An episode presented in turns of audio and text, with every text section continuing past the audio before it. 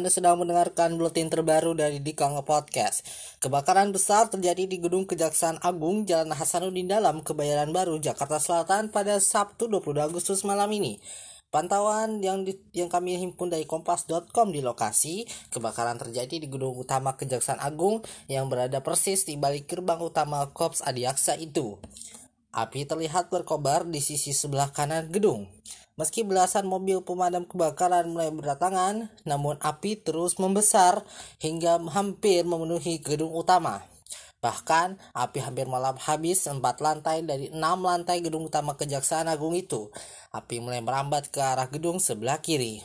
Belum diketahui pasti asal muasal kebakaran ini. Namun, gedung yang terbakar ini merupakan kantor Jaksa Agung dan para Jaksa Agung muda.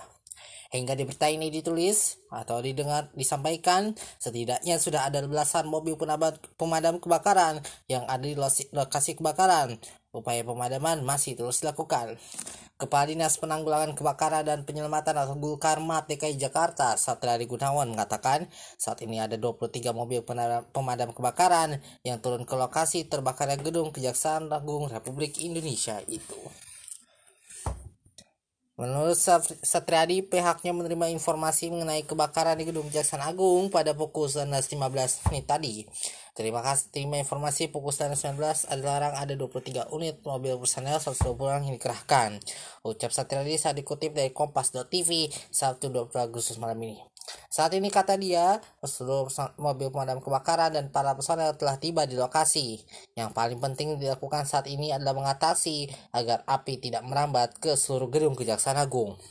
Katanya dia perlu mengatasi perlambatan, kita lokalisir gedungnya. Info utama terbakar itu lantai 6 dan sekarang merambat ke lantai 3. Kita akan minimalisir perlambatannya.